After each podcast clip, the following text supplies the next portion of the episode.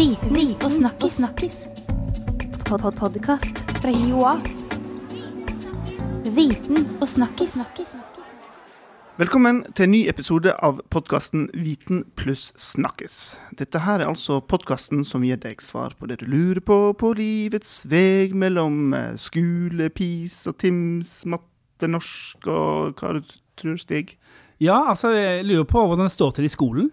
Ja, jeg, Ja. ja. Du har unger i skolen. Ja, du òg? Jeg har det. Ja, ja.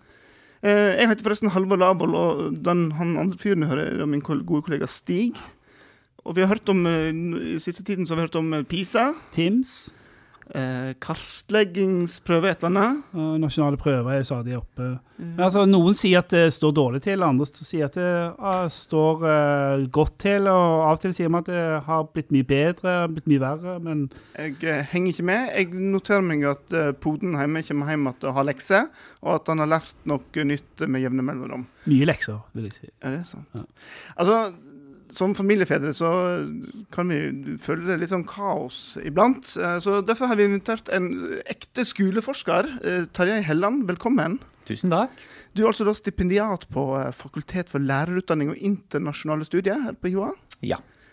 Um, men for å spole litt tilbake, du er forsker, men du er kanskje lærer òg i bunn? Ja da. Jeg har jobba på øh, høyskolen i lærerutdanninga nå i, i øh, fem år, men jeg selv identifiserer som lærer fortsatt. Det er det. Jeg har øh, allmennlærerutdanning her fra Høgskolen i Oslo, som det het den gangen. Og har vært snaut ti år i grunnskolen, mest i ungdomsskolen. Og man blir aldri kvitt savnet til ungdomsskolen når man først har vært der og trives godt med det. Men eh, hvorfor i all verden er du tilbake og nå og forsker? For du har hørt dette her, at det det er mangelvare på menn i skolen, sant? Ja, jeg er klar over det. Og nei, grunnen til det er jo at mange lærere mener jo at det finnes én verdens beste jobb, og det er å være lærer. Og det har de jo rett i. Men, men jeg har enda litt mer rett, for det finnes to verdens beste jobber. Okay. Det er å være lærer og å være lærerutdanner. Og jeg hadde faktisk veldig lyst til å bli lærerutdanner allerede da jeg gikk på lærerutdanninga. Oi, så, tidlig. så da jeg liksom senere i livet fikk mulighet til å utdanne meg mer, sånn at jeg kunne hevde at jeg hadde noe slags akademisk kompetanse som gjorde at jeg kunne få jobb her, så var det en super anledning for meg. Hva, hva som motiverer deg for å utdanne lærere? Hva, Nei, det er jo mye av det samme som, ut, som Ja, motiverer meg samme. for å være lærer. Ja. Altså det er eh, Jeg syns at det å jobbe i grunnskolelærerutdanninga her på høyskolen eh, også er å være direkte involvert i hva som skjer i skole. Mm. Og det er helt nær feltet, sånn som jeg opplever det, gjennom eh, det samarbeidet med studentene som skal bli lærere. Men du, når du ikke er ute og, eh, og mener ting og kommenterer på, på skolepolitiske spørsmål, hva er det du sitter og forsker, med, forsker på sånn til daglig? Ja, nå er jeg stipendiat uh, i eh, samfunnsfag, eller samfunnsfagsdidaktikk. Hvordan skal vi best drive opplæring i samfunnsfag? Og da er det demokratiopplæring som jeg spesielt jobber med, og som er mitt prosjekt. Eh, Og i tillegg så er jeg med i det norske forskerteamet som gjennomfører en av disse svære internasjonale studiene, men den som veldig få har hørt om, som heter ICCS, og som handler om eh, demokratikunnskap og holdninger til demokrati. spennende. Ja. Må vi lære om demokrati i Norge òg? Kan vi ikke det? Nei, det er det, da. Vi, eh, vi kan mye om demokrati i Norge. Ja, For er ikke det en av de feltene vi scorer utrolig bra på? i så store- Best, kanskje? Er ikke vi best i verden? Jo, det er den enkle fortellingen, da. Men eh, det er jo nettopp noe av problemet med hvordan vi bruker disse internasjonale studiene. Det vi skal være klar over, er at alle de internasjonale studiene de er laga for å gjøre sammenligninger mellom land. Mm. Eh, og så eh, blir rangeringslista, der landene settes i en rekkefølge, eh, overtolka for mye mer enn det den er. Og der har det liksom blitt skapt en fortelling i 2000, eh, eller 2001, da resultatene fra første PISA kom. PISA-sjokket. PISA-sjokket, ja. Det, det sjokket Jeg ble aldri sjokkert. Jeg jobba i skolen da, og jeg opplevde virkelig ikke at noen i skolen ble sjokkert. Eh, Så det sjokket der, det tror jeg eh, var skapt. Det var en, et politisk skapt sjokk. For det er jo morsomt. I, I 2001 så fikk vi presentert PISA-resultater, og da sier daværende eh, statsråd sant, eh, at dette er et sjokk. Vi fikk sjokk fordi vi ikke har verdens beste skole. Og at dette her var så ille at det var som å komme hjem fra vinter-OL uten en eneste gullmedalje på ski. og, og, denne gangen kan vi ikke skylde på at finnene var dopa.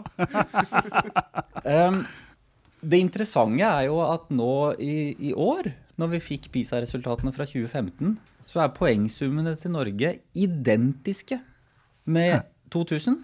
Men i år ble det presentert som en PISA-suksess, og at vi var i verdenstoppen. Fordi de andre er dårligere, da? De andre er litt dårligere. Mm -hmm. Så, så OECD-gjennomsnittet har gått litt ned. Hvis det hadde vært samme OECD-gjennomsnitt i, i, 2015 som i 2000, så hadde ikke Norge vært uh, over gjennomsnittet på alle, på alle fagområdene.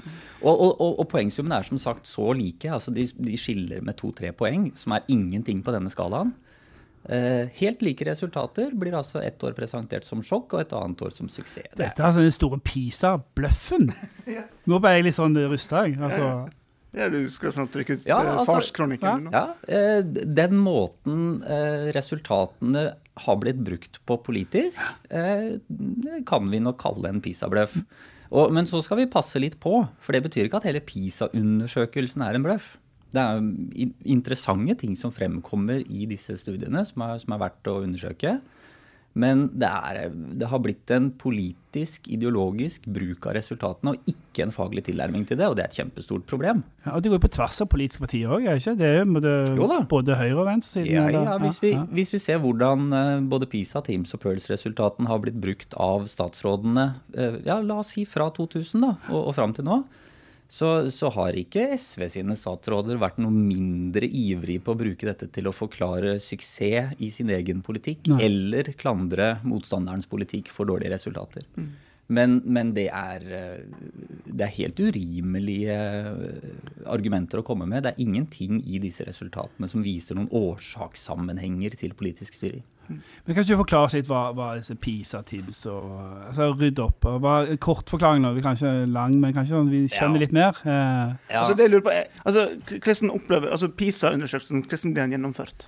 Eh, nei, de, de, aller fleste norske barn får jo aldri noe befatning med PISA-undersøkelsen. Eh, fordi dette her er eh, en undersøkelse som gjøres av et utvalg av norske 15-åringer, som PISA-undersøkelsen er.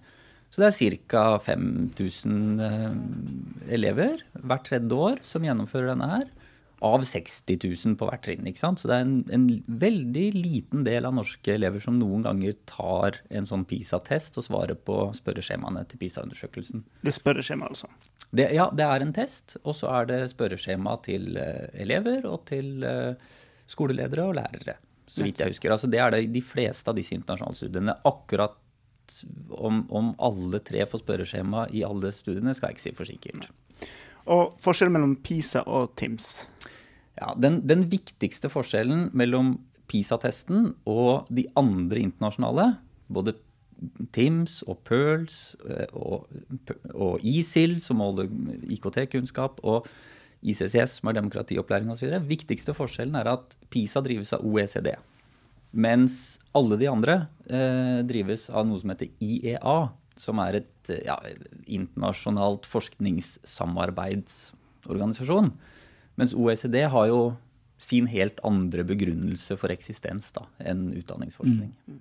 Og de sier ulike ting, eller sier ja. samme De sier litt ulike ting. Altså alle de IEA-studiene Eh, de er veldig nøye på at de sier i eh, forskningsutgangspunktet sitt at de skal undersøke deler av noen skolefag.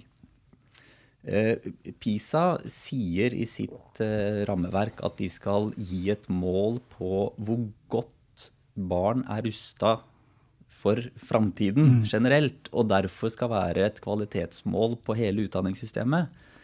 Og det er vi vel ganske mange i forskermiljøet som mener at er å overselge sin egen totimerstest ganske ja. kraftig. det høres sånn ut. ja. OECD er jo veldig opptatt av sånne ting. Her. Konkurransekraft og sånn. Ja, det er det. Sånn at den PISA-testen grad har nok i langt større grad en slags uh, politisk økonomisk agenda. Uh, det betyr ikke at funnene der ikke er interessante og gode å, å vurdere, men, men utgangspunktet er litt annerledes. Men, men hva kan disse disse undersøkelsene hjelpe oss med, da? Altså verdien av det? Uh, Ja. eh, utenom den politiske retorikken, da. Som, Ja, ikke sant? Ja, Uh, hvis vi bruker dem som, som forskning, så kan de hjelpe oss med å informere om uh, hvordan vi klarer oss sammenligna med andre land i ulike deler av noen få skolefag. Og det er interessant. ikke sant? Så Vi kan gå inn i dette her, og så kan vi se hvor godt scorer f.eks. Eh, norske barn eh, innenfor deler av naturfag eller deler av matematikken eller i leseferdigheter eller demokratiopplæringa. Eh, ut ifra eh, andre forhold som eh, sosioøkonomisk bakgrunn, f.eks. Eh, ting som kjennetegnes ved åpent klasseromsklima, kan være en driver for dette her. Hvor godt henger resultater i ulike fagområder sammen? Og vi kan finne litt ut eh, hva som er styrkene og svakhetene igjen sammenligna med andre innafor disse fagene. Eh, matematikk f.eks. ser det ut til at Norge har mye større eh, Mye bedre kontroll på eh, forhold som tallsystemer og sånn enn algebra. Som, som, Ja, som ja. ser ut til å være det fagom, den delen av det faget hvor vi sammenligna med andre eh, gjør det svakt, da. Og det kan gi en god et godt utgangspunkt for å diskutere skal vi endre noe i måten vi driver opplæring i disse fagene på.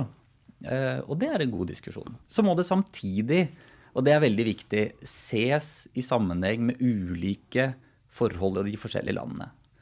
Eh, når f.eks. vår naturfagscore eh, er lavere enn i mange land, men også høyere enn i veldig mange andre land, så må vi være klar over at vi har mindre enn halvparten så mange naturfagstimer i skolen som det er veldig mange av de landene som scorer høyere enn oss har. Så sammenligna med det, så er vi jo helt fantastiske. De gode. Vi er bare natur- i veldig kjappe. Ja, men da Ja. burde, da burde vi kanskje ha flere timer i naturfag, kanskje. Ja, det kan hende det er. ikke sant? Og det er Og mindre i demokratiet. Ja, nett, ja men nettopp. Nå, nå, er du inne på det veldig viktige. For hvordan skal vi egentlig tolke de resultatene? Mm. Eh, noen av de som scorer høyest i naturfag, kan det hende overdriver vektlegginga av naturfag i skolen. Fordi skole skal være mer enn bare realfag. Men så er jo det store spørsmålet har vi gått så langt at vi har nedprioritert naturfaget for mye. Og hvis vi skal prioritere det opp, hva er det vi da skal prioritere ned? Sånn må vi bruke tallene. Vi må ikke, det er ikke et mål i seg selv å vinne disse testene eller komme høyere på rankinga. Det er et mål å vurdere vår plassering og hva det kan forklares med. Og så gjøre vurderinger av vårt skolesystem og hvordan vi ønsker å ha det, om vi skal endre noe eller ikke. Men undersøkelsene, hvem er de for? Altså, Politikerne bruker det i hvert fall. Eh, både retorisk, og de bruker vel òg når de skal gjøre Ja. vedtak. Eh, kan foreldre bruke det? Kan læreren til klassekontakten til førsteklassingen min eh, gå inn og bruke dette til noe fornuftig? Eller altså Nei, ikke de internasjonale studiene. fordi som sagt så er det primært forskningsprosjekter hvor man har gjort et representativt utvalg. Sånn at, og og, og de, der er prøvene laget sånn at de skal gi informasjon på landnivå. Så du kan ikke hente noe Det finnes ikke mulighet for å hente god informasjon om hvordan en skole lykkes eller enkeltelever lykkes osv. Det, det er ikke de laget for å gjøre. Hva med de andre prøvene? Nasjonale prøver? Så vi hører om. Ja. Det har vi et mm. kanskje mer eh, Ja. intimt forhold til. Ja. De som har skole, barn i skolen. Ja. Ja. Og det, det er noe helt annet igjen. Og det er veldig viktig å holde dette litt fra hverandre. Ja. Fordi eh, nasjonale prøver og kartleggingsprøvene, det som er eh, det veldig gode med dem, er jo nettopp at de gjøres av alle elever. Ja. Så her får lærerne og skolene eh, god informasjon om elevene i sin klasse, og hver enkelt elev i sin klasse. Sånn at de internasjonale forskningsundersøkelsene de informerer primært forskningsmiljøet, og hvis politikerne evner å bruke dem faglig, så kan det også være god informasjon hos dem. Eh, Det er et stort vis. Vis, ja. Mens nasjonale prøver og kartleggingsprøver de informerer først og fremst læreren og eh, skolen til de elevene som tar den, for den tar alle. De er omstridt, de òg, ja. Uh, Ja, og, og jeg er av de som, som igjen er veldig skeptisk til hvordan særlig nasjonale prøver blir brukt. Fordi at det jeg mener er, er av stor verdi med nasjonal prøve, og der er det virkelig stor verdi, er at den ikke offentlig tilgjengelige informasjonen, den som bare læreren kan få Ja. tak i, den gir veldig nyttig informasjon om hver enkelt elev og om klassen man jobber i. Men all den informasjonen som er offentlig tilgjengelig, er bortimot verdiløs. Ja. Den forteller veldig lite av interesse om en skole eller om en kommune eller hva som helst. Og, og, og vi får bare offentlig tilgang på en fordeling av elever på noen veldig grovmaska mestringsnivåer. Og særlig et gjennomsnittsscoretall Ja, for en skole. Og det gjennomsnittsscoretallet, det forteller ingenting. Nei, og det er det som kommer fram i media òg. Eller Ja. Ja. ja. Eh, Og grunnen til at ikke det forteller noen ting, er for det første at eh, prøven er ikke laget for å skille mellom ganske like resultater. Nei. Sånn at når vi får beskjed om at én skole har et gjennomsnitt på 50 poeng, og en annen på 52, og så blir den 52-skolen presentert som en bedre skole, det er bare tøys. Okay. Altså hvis den eh, skolen, sånn som jeg har barna mine på en liten skole, der er det rundt 20 elever som testes på hvert trinn hvert år, da vil én elev hvis du flytter én elev fra liksom lavt presterende til høyt presterende, så kan skolens gjennomsnittsscore øke med fire poeng. Så her blir det litt sånn eh, strategiske eh, forflytninger, kan man risikere. Ja. Ja, Og i, i tillegg til at eh, hvis du, når du ser liksom, når, når avisene har laget sånne oversikter over her er de beste skolene i Oslo, så er jo en riktigere overskrift 'Her bor de rikeste barna Jo. Nettopp! Det er et viktig poeng. Ja, ja. ja, ja. Og det er igjen fordi det, det er ganske små forskjeller som vises når skoler på vestkanten scorer 54 og skoler på østkanten 51 eller 49. De forskjellene på fem poeng, det er, det er, det er halvparten av hva som er av poengforskjell innafor ett og samme mestringsnivå. Så egentlig så kan du ta alle skoler som har en gjennomsnittsscore på fra 44 til 55, og så kan du si dette er skoler som scorer like godt på samme mestringsnivå. Det skyldes jo at folk flest har ikke peiling på statistikk, og det har vel heller ikke journalister, så da blir det litt sånn Uh, Ja, Det er en- det, det er én ting, ja. men, og, og statistikk er ikke så helt enkelt. Men Nei. så er heller ikke liksom, testgrunnlaget for disse prøvene så veldig enkle. da.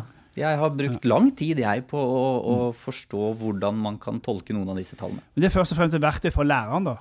Ja, Ja. Det er først og fremst et verktøy for lærerne. Den informasjonen som ikke er offentlig tilgjengelig, er veldig verdifull. Den informasjonen som er offentlig tilgjengelig, er ganske verdiløs. Og sånn, og sånn den blir brukt, så spørs det om ikke vi gjør skolen dårligere. Så, men, så den er verdiløs for politikere både på nasjonalt og lokalt plan òg? Jeg mener det. Mm. Jeg, jeg ser ikke hvordan den offentlig tilgjengelige informasjonen skal kunne gi noen eh, verdif noe verdifullt mål på hva skoler gjør bra eller dårlig. For, det har vært argumentet fra politikerne, at de trenger verktøy Ja. for å, å forstå hva som skjer der ute, og om pengene blir brukt fornuftig. Ja. Men hva er det, du- hvis ikke det fungerer, hva er det vi skal gi dem da? For, for et eller annet må de vel ha for å måte, bevilge penger til det rett tiltak? Ja, og dette er jo en, en eh, litt stor og omfattende diskusjon om hvordan vi ønsker å styre skolen. Eh, Fordi alle disse tallene som vi får, eh, og som har kanskje Jeg mener de er, har liten verdi eller er verdiløse fordi de er så lett å tolke på en måte som ikke er godt informert. Og det betyr at vi Samtidig så er det den eneste, det eneste tallmaterialet vi har tilgjengelig. Og hvis du tar beslutninger på grunnlag av et ganske dårlig tallmateriale, så kan du ende opp med å ta dårlige beslutninger. Og da spørs det om ikke styring av skolen i, større, i mindre grad skal sentraliseres. Altså Jeg mener at sentralisert styring av skolen nå er et kjempestort problem. Og da mener jeg ikke at det er kunnskapsministeren eller Stortinget som sitter og styrer, men det er kommunene. Ja. Man kan, det er ikke sånn at eh, bare man overlater noe til kommunen, så er det liksom lokalt. Eh, den enkelte lærer og den enkelte skole opplever det like som sentralt styring om det er liksom skolesjefen i kommunen som trer noe over hodet på deg, eller om det er statsråden. Du vil ha enda mer lokalt? Du vil ha større variasjon? Ja, og så ønsker jeg et eh, system der hvor kvalitetsrapportering kommer nedenifra.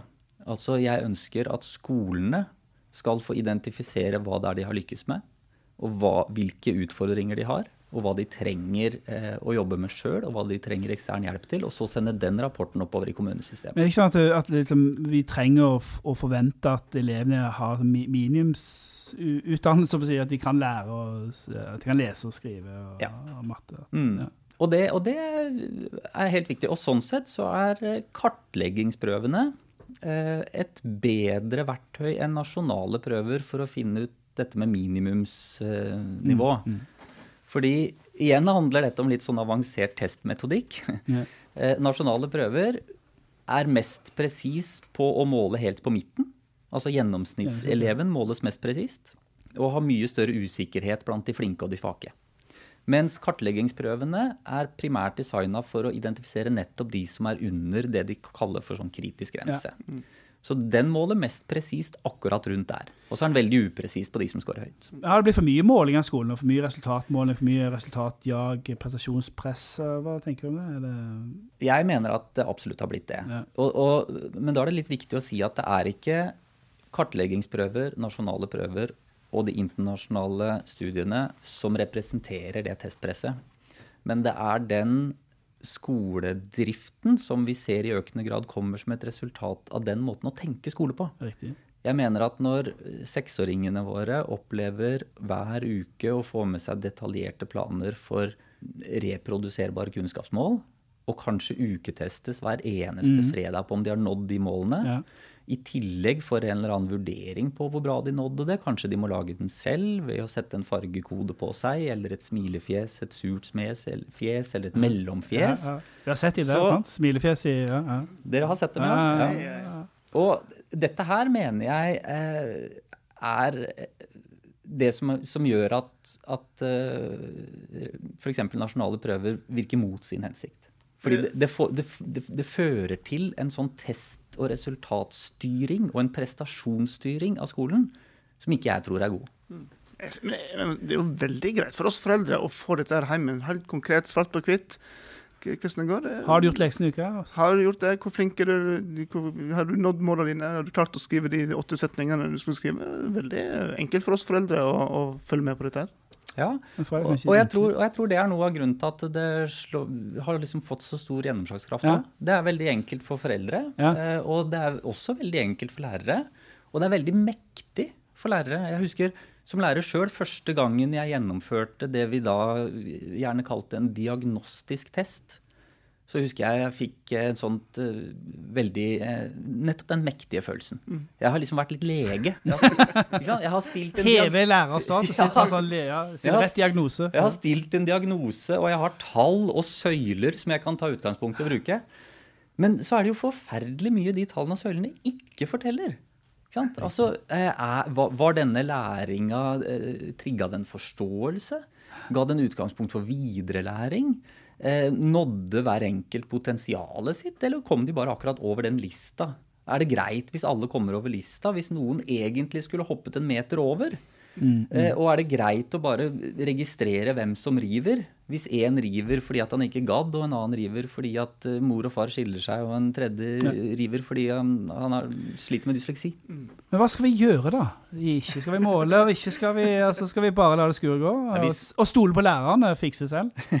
Eh, Vi, vi skal i veldig stor grad stole på lærerne og skolelederne. Um, og, og, og der mener jeg vi har et stort tillitsproblem nå, som, som har blitt utvikla gjennom uh, 10-15 år. Eh, Så vi skal stole mye mer på lærerne eh, enn det vi har gjort i det siste. Men det er klart at vi skal teste. Og det er jo ikke noe nytt å teste i skolen. Skolen har jo, Så lenge skole har eksistert, så har vi testa. Men det er veldig stor forskjell på å teste for å finne ut liksom elevenes eh, kunnskapsnivå og kunnskapshull, og hvor man skal sette inn støtet, og det å teste for å bruke det som et kvalitetsmål på skolen. Det går jo ikke an. Altså, Hvor godt en elev presterer, er ikke det samme som hvor god en lærer er. Nei, det har jo andre faktorer som spiller inn òg. Har vi hørt rykter om. Det, ja, altså, mange lærere kan være F.eks. vi snakka om skille østkant-vestkant i Oslo i stad. Det er klart at lærerne på østkantskolene som har dårlige resultater, kan utmerket godt være bedre lærere og drive bedre skole enn de på vestkanten som sitter og underviser en haug med rike barn med privatbetalt leksehjelp. ja, sant. Altså det, Men, men det er lekser er jo til poeng her, da. Altså, Ja. Har du en formening Virker lekser Er lekser bra eller dårlig? For å utjevne eller for For å utjevne er det dårlig. Ja. Ja. Eh, Men så er det sånn, det er, ikke, det er ikke sånn at vi skal si at noe er dårlig bare fordi det er dårlig på å utjevne. For vi, vi, kan ikke, vi kan jo ikke frata sterke elever eller rike elever, siden jeg har sagt det litt flåsete noen ganger, god skole fordi de eventuelt liksom øker forskjellene. Men, men lekser er ikke noe sånn Altså, jeg har kikka en del på akkurat det der med lekser og det som fins av forskning på det i det siste. Og det er veldig omfattende forskning, men den er også veldig mangelfull. Den er omfattende fordi det er mye av den, Men den er mangelfull fordi at lekser kommer jo i 10 000 ulike varianter. Og det klarer ikke forskningen helt å ta høyde for. Så det er vanskelig å si at lekser er lekser. Men, men det vi har av informasjon da, på, på lekser, viser at uh, på barnetrinnet så er det tilnærmet null i, i læringseffekt. Økt læringseffekt av lekser. dette er sjokkerende, altså. Ja. All den tid jeg prøver for ungen min å gjøre lekser, det er Ja, bare ja. tull. På ungdomstrinnet så er det en liten læringseffekt, men den er veldig liten. Eh, Og oppsummert så sier forskerne at i forhold til hvor mye tid man bruker på lekser, så er det kanskje den minst effektive læringa vi har. Og så er det sånn at de elevene som, som Dette er et sjokk, syns jeg. Større enn PISA-sjokket. Ja? Leksesjokket. Leksesjokket. Ja. Ja. Ja. Og så er det i tillegg sånn at de eh, Vi har noe norsk forskning eh, fra 2009 som Rønning og flere sto bak, også, som viste det at eh, barn eh, som har foreldre uten høyere utdanning, eh, gjerne lærer mindre når de får lekser enn når de ikke får det. Ja, Ja, ja. jeg Men, på da, altså, ja. Og da er jo spørsmålet hvorfor, ikke sant? Og jeg, jeg har ikke noe godt svar på hvorfor det er, men jeg, jeg mistenker at det kan være sånn at i situasjoner hvor man da ikke får lekser, så gjøres en del av det viktige øvingsarbeidet som leksene skal dekke, eh, sammen med lærer. Som gjør at også de lavere presterende elevene eh, får utbytte av det. Mens når det overlates til å være hjemme på egen hånd, kanskje man er avhengig av foreldrehjelp, så blir det ikke gjort i det hele tatt. Og derfor så lærer man mindre, tror jeg, da, eh, i systemer med lekser enn i systemer uten lekser.